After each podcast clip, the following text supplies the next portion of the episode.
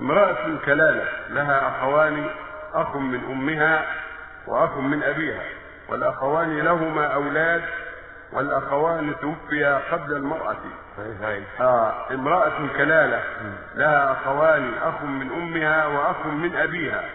والأخوان لهما أولاد وقد توفيا قبل المرأة. ما ماذا من يرث أولاد الأخ من أمها وأولاد الأخ من أبيها من أموال هذه المرأة؟ الكلالة أفيدونا أفادكم الله.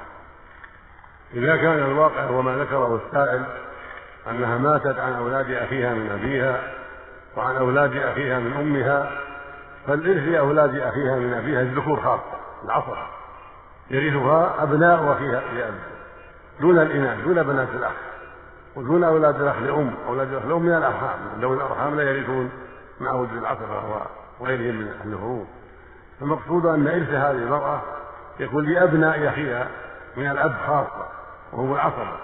لقول النبي صلى الله عليه وسلم ألحقوا الفرائض بأهلها ثم بقي فهو لأولى رجل ذكر. قول صلى الله عليه وسلم ما أخرج الوالد؟ أو الولد فهو لعصبته من كان. قد روى النبي صلى الله عليه وسلم بالليل العصبة عند عدم وجود أهل الفروض وهذه المرأة ليس لها الفروض وإنما هم عصبة وهم أبناء أخيها فقط فلهم الإرث نعم. طيب الأولاد أخذوا نصيب أبائهم ولا أخذوا باعتبارهم عصبة فقط؟ باعتبارهم عصبة بني أخ نعم.